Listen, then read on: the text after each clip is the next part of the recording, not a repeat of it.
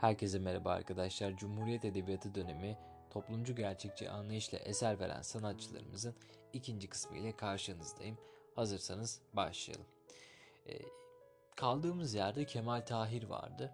Kemal Tahir e, deyince aklımıza neler geliyor? Aslında bunlardan bahsetmemiz gerekiyor. Çünkü kendisi edebiyatçılığımız açısından özellikle tarihi romancılığımız açısından çok çok önemli bir isim. Çünkü yazdığı tarihi romanlar tarihi belge statüsüne girmiş romanlardır aynı zamanda. Çünkü e, bizzat yaşayarak anlatıyor adam kendisi. Bu noktada o yüzden e, yazdığı kitapların çoğu akademik anlamda da okunuyor Kemal Tahir'in. O yüzden Kemal Tahir deyince aklımıza bir defa tarihi roman gelecek ve aynı zamanda Nehir roman gelecek. Nehir roman dediğimiz şey arkadaşlar seriler halinde yayınlanmış olan romanlar. E, buna en bariz örneği ne olarak verebilirim? Mesela Tarık Buğra'nın Küçük Ağa romanını verebilirim. Küçük Ağa romanı vardır. Küçük Ağa Ankara'da romanı vardır. Yani seriler halinde yayınlanmış olan romanlardır diyebiliriz Nehir roman için.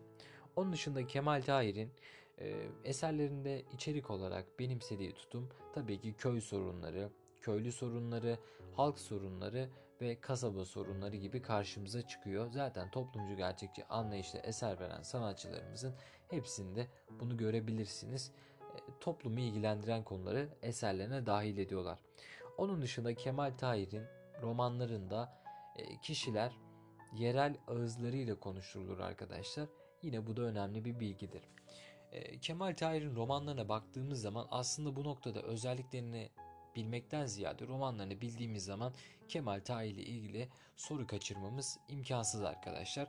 E, bilmemiz gereken 5 tane eseri var. Bunları bildiğimiz anda Kemal Tahir ile ilgili e, hiçbir soruyu kaçırmayacaksınız. Bundan eminim. 5 tane roman söyleyeceğim. Bunları e, bir yerlere not edin. Arada sırada tekrar edin ve sonrasında sınavda soru geldiğinizde görün bakalım cevaplıyor musunuz, cevaplamıyor musunuz? Bu 5 romandan ilki tabii ki de Devlet Ana, Devlet Ana Osmanlı'nın e, kuruluşundan itibaren anlatılmaya başlanan e, romandır Kemal Tahir'in. Onun dışında Yorgun Savaşçı, Kurt Kanunu, Rahmet Yolları Kesti e, ve Yol Ayrımı romanlarını görüyoruz arkadaşlar. Aynı zamanda kendisinin az önce de bahsetmiştim seri romanlar halinde yani nehir romanlar halinde yayınladığı Esir Şehrin İnsanları, Esir Şehrin Mahpusu, Hür Şehrin İnsanları gibi e, seri romancılığını görebiliyoruz Kemal Tahir'in. Kemal Tahir ile ilgili bilmemiz gerekenler bunlardır. Özellikle Devlet Ana, Yorgun Savaşçı, Kurt Kanunu, Rahmet Yolları Kesti gibi eserlerini bilmemiz gerekiyor arkadaşlar. Kemal Tahir ile ilgili bir soru geldiğinde bunları vermemesi imkansız zaten. Şimdi geçelim bir sonraki ismimize. Bir sonraki ismimiz Yaşar Kemal. Yaşar Kemal e, belki de Cumhuriyet Edebiyatı dönemindeki en büyük romancılardan biridir. Hatta belki de birincisidir. Çünkü aynı şeyi ben halk edebiyatı için söylemiştim. Kim için söylemiştim? Yunus Emre için söylemiştim. Hatta Yunus Emre'ye demiştim ki Türk edebiyat tarihinin en büyük isimlerinden biridir hatta birincisidir demiştim. Aynı şeyi de Yaşar Kemal için Cumhuriyet tarihinin en iyi romancısıdır diyebilirim arkadaşlar. Kendisi gerçekten çok yönlü bir romancıdır ve hayatındaki her şeyi bizzat yaşayarak anlatmıştır. Çok büyük zorluklarla geçen bir hayattır kendisi. Ee, bunu da bunlardan da bahsedeceğim birazdan. Ama öncesinde tabii ki Yaşar Kemal ile ilgili genel özelliklerini öğrene, öğrenmeye çalışalım. Yaşar Kemal deyince bir, bir defa Adana, Çukurova ve Toroslar aklımıza gelecek arkadaşlar. Aynı şey Orhan Kemal'de de gelecek ama Orhan Kemal'de birazcık daha işçi kavramını e, ön plan atacağız biz. Yaşar Kemal'in asıl adı Kemal Sadık Gökçeli'dir arkadaşlar ve eserlerinde doğa betimlemelerini sıkça görürsünüz. Kemal Tahir köyde yaşayan bir insan ve çok küçük bir yaştayken e, biliyorsunuz ki Adana çevresinde kan davaları vesaire genelde doğuda bu tür şeyler çok fazla olur. Ee, Yaşar Kemal'in de babası kendisi çok küçük yaştayken e, kan davası sonucunda vurularak öldürülüyor arkadaşlar. Hatta namaz kılarken öldürülüyor babası ve e, havaya saçılan saçmalardan biri kendisinin gözüne geliyor ve bir tane gözünü kaybediyor. Ve bu gözünü kaybeden sanatçımız e, tek gözüyle adeta köyün bütün panoramasını e, gözler önüne seriyor diyebiliriz. e, köyü yaşayarak anlatmış e, anlatmış bir sanatçımızdır Yaşar Kemal. Öyle ki kendisinin yazdığı romanlar dünya çapında e, üne kavuşmuştur ve e, Nobel Edebiyat Ödülü'ne de aday gösterilmişken e, aday gösterilmiştir kendisi arkadaşlar Yaşar Kemal'in. Fakat biliyorsunuz Nobel e, platformu birazcık böyle siyasi bir platform olmaya başladı. Özellikle günümüzde tabii ki eskiden de böyleydi ama e, günümüzde daha fazla etkisini hissettiriyor bu. O dönemde de Yaşar Kemal'e bu ödülü verilmesi için yani bu ödülün bu ödülün verilmesini e, teklif ettiler. Fakat kendisinden şöyle bir şey istediler. Yaşar Kemal'e dediler ki sen Türkler aleyhinde konuş. Yani Türkler aleyhinde şunları şunları de. Ermenilere soykırım yapmıştır gibilerinden konuş dediler. Fakat Yaşar Kemal bunu kabul etmedi. Yaşar Kemal tam anlamıyla bir vatansever bir insan ve böyle bir şeyi reddetti ve elinin tersiyle itti. Tabii ki bunu reddettiği anda da aynı zamanda Nobel Edebiyat Ödülünü de kaybetmişti zaten. Ee, daha sonrasında Yaşar Kemal'in söylemediği bu sözü e, Orhan Pamuk yıllar sonra söyledi ve e, Babamın Bavulu adlı eseriyle Nobel Edebiyat Ödülünü kazandı arkadaşlar. Böyle bir kısa bir hikayesi vardır kendisinin. Bunları da paylaşmak istedim.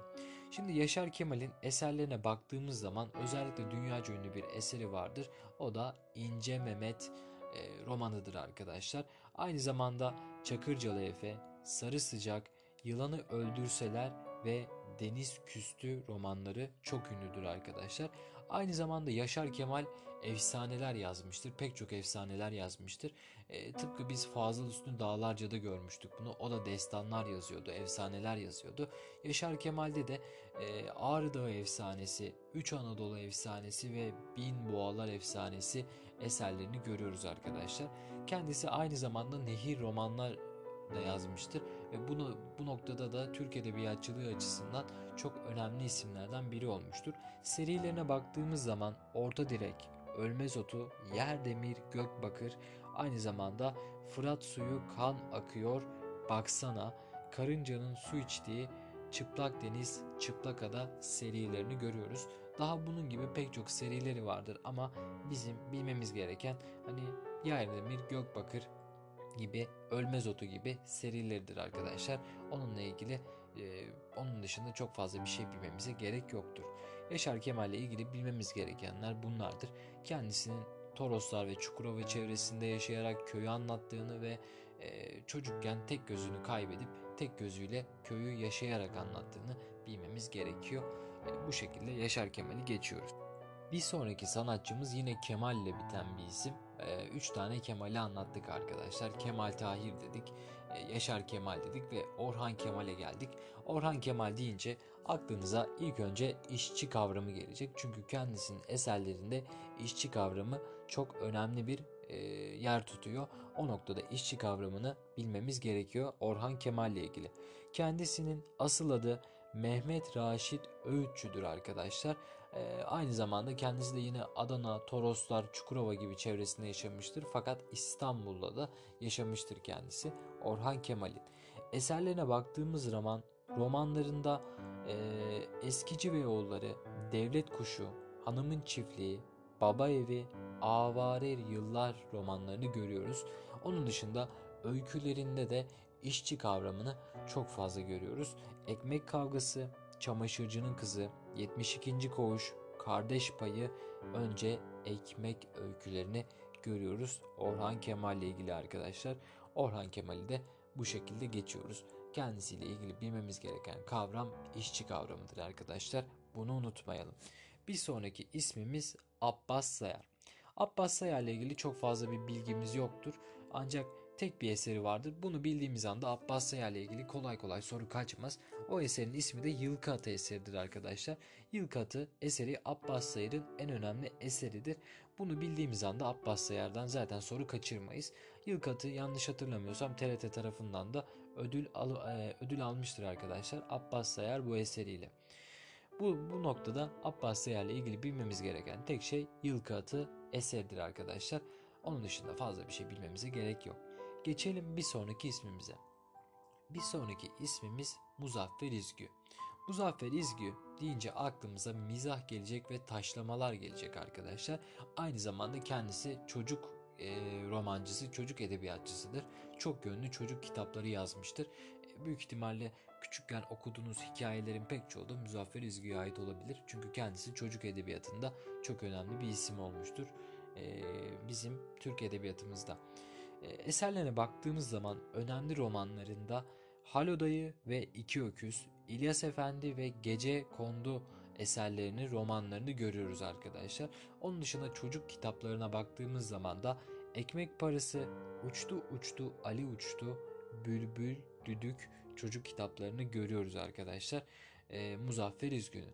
Muzaffer İzgü ile ilgili bilmemiz gerekenler de bunlardır. Kendisiyle ilgili çocuk edebiyatçılığı açısından önemli bir isim olduğunu, aynı zamanda e, romanlarında da Halodayı ve İki Öküz romanını bilmemiz yeterlidir kendisiyle alakalı. Geçelim bir sonraki ismimize. Bir sonraki ismimiz yine edebiyatçılığımızda çok yanlış anlaşılan, belki de Türkiye'de en çok yanlış anlaşılan isimlerden biridir. Aziz Nesin arkadaşlar. Aziz Nesin e, çok aslında siyasete alet edilmiş bir adamdır.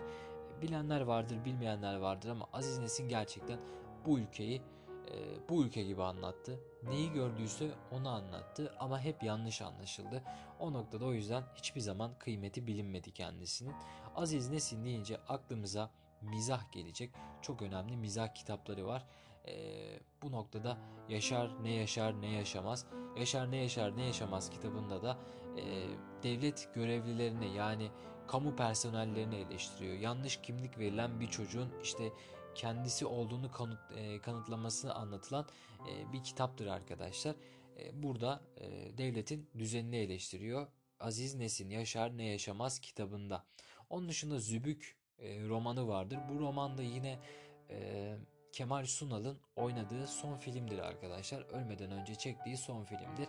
Aziz Nesin bunu e, kitabını yazmıştır. Daha sonrasında sinemaya uyarlanmıştır. Onun dışında bir de Şimdiki Çocuklar Harika kitabı vardır. Aziz Nesin'in. Bu kitabı okumayanlar varsa okumanızı tavsiye ederim. Çok güzel bir kitaptır. Oradaki çocukların birbirleriyle olan mektupları vardır. Mektuplar aracılığıyla işte komik olaylara e, dikkat çeker Aziz Nesin. Çok güzel bir kitaptır yine. Okumanızı tavsiye ederim.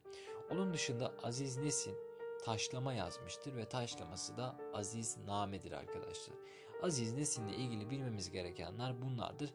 Mizah dolu bir e, edebiyat hayatı olduğu, onun dışında siyasi çalışmalar e, yaptığı ve e, önemli romanlarında Yaşar ne yaşar ne yaşamaz e, romanını görebiliyoruz. Aziz Nesin'le ilgili bilmemiz gerekenler bunlardır. Son ismimize geçelim. Son ismimiz de yine edebiyatçılığımızda çok önemli isimlerden biridir. Halikarnas balıkçısı yani namı değer Cevat Şakir e, Kabaağaçlı. E, kendisi Bodrum'a sürgüne gönderiliyor. Evet Bodrum'a sürgüne gönderiliyor. Yani bu noktada şanslı bir isim. E, ismini de e, Antik Roma'da Bodrum'a Halikarnas derler arkadaşlar. İsmini de oradan alıyor. Halikarnas balıkçısı. Kendisi deyince aklımıza e, Halikarnas balıkçısı deyince ya da Cevat Şakir Kabaağaçlı adını duyduğumuz anda aklımıza deniz kavramı gelecek. Çünkü kendisi e, denizi çok yönlü olarak anlatıyor. Ve önemli özelliklerinde de zaten deniz öyküleri kavramını vermesek olmaz. E, aynı zamanda kendisinin romanlarına baktığımız zaman e, Aganta Burina Burinata romanı çok önemlidir. ÖSYM'nin en çok e, eser yazar sorduğunda e, yer verdiği romandır kendisi arkadaşlar. Aganta Burina Burinata çok önemli romanıdır. Halikarnas balıkçısının bunu bilmemiz gerekiyor. Onun dışında kendisinin Mavi Sürgün ve Uluç Reis gibi denizi ifade eden romanları vardır. Dediğimiz gibi Halikarnas balıkçısı ya da Şakir e, Şakir Kabaağaçlı ya da Cavat, Cavat Şakir Kabaağaçlı ismini duyduğumuz zaman deniz kavramının gelmesi yeterlidir aklınıza. Bu şekilde podcast, podcastimizin sonuna geldik. E, kusura bakmayın bazı yerlerde dilim böyle aşırı susuzluktan e, konuşamadım ama eminim ki anlaşılır olmuştur. Yine de beni dinlediğiniz için çok teşekkür ederim. Bir sonraki podcastlerimizde görüşmek üzere. Hepinize iyi çalışmalar dilerim.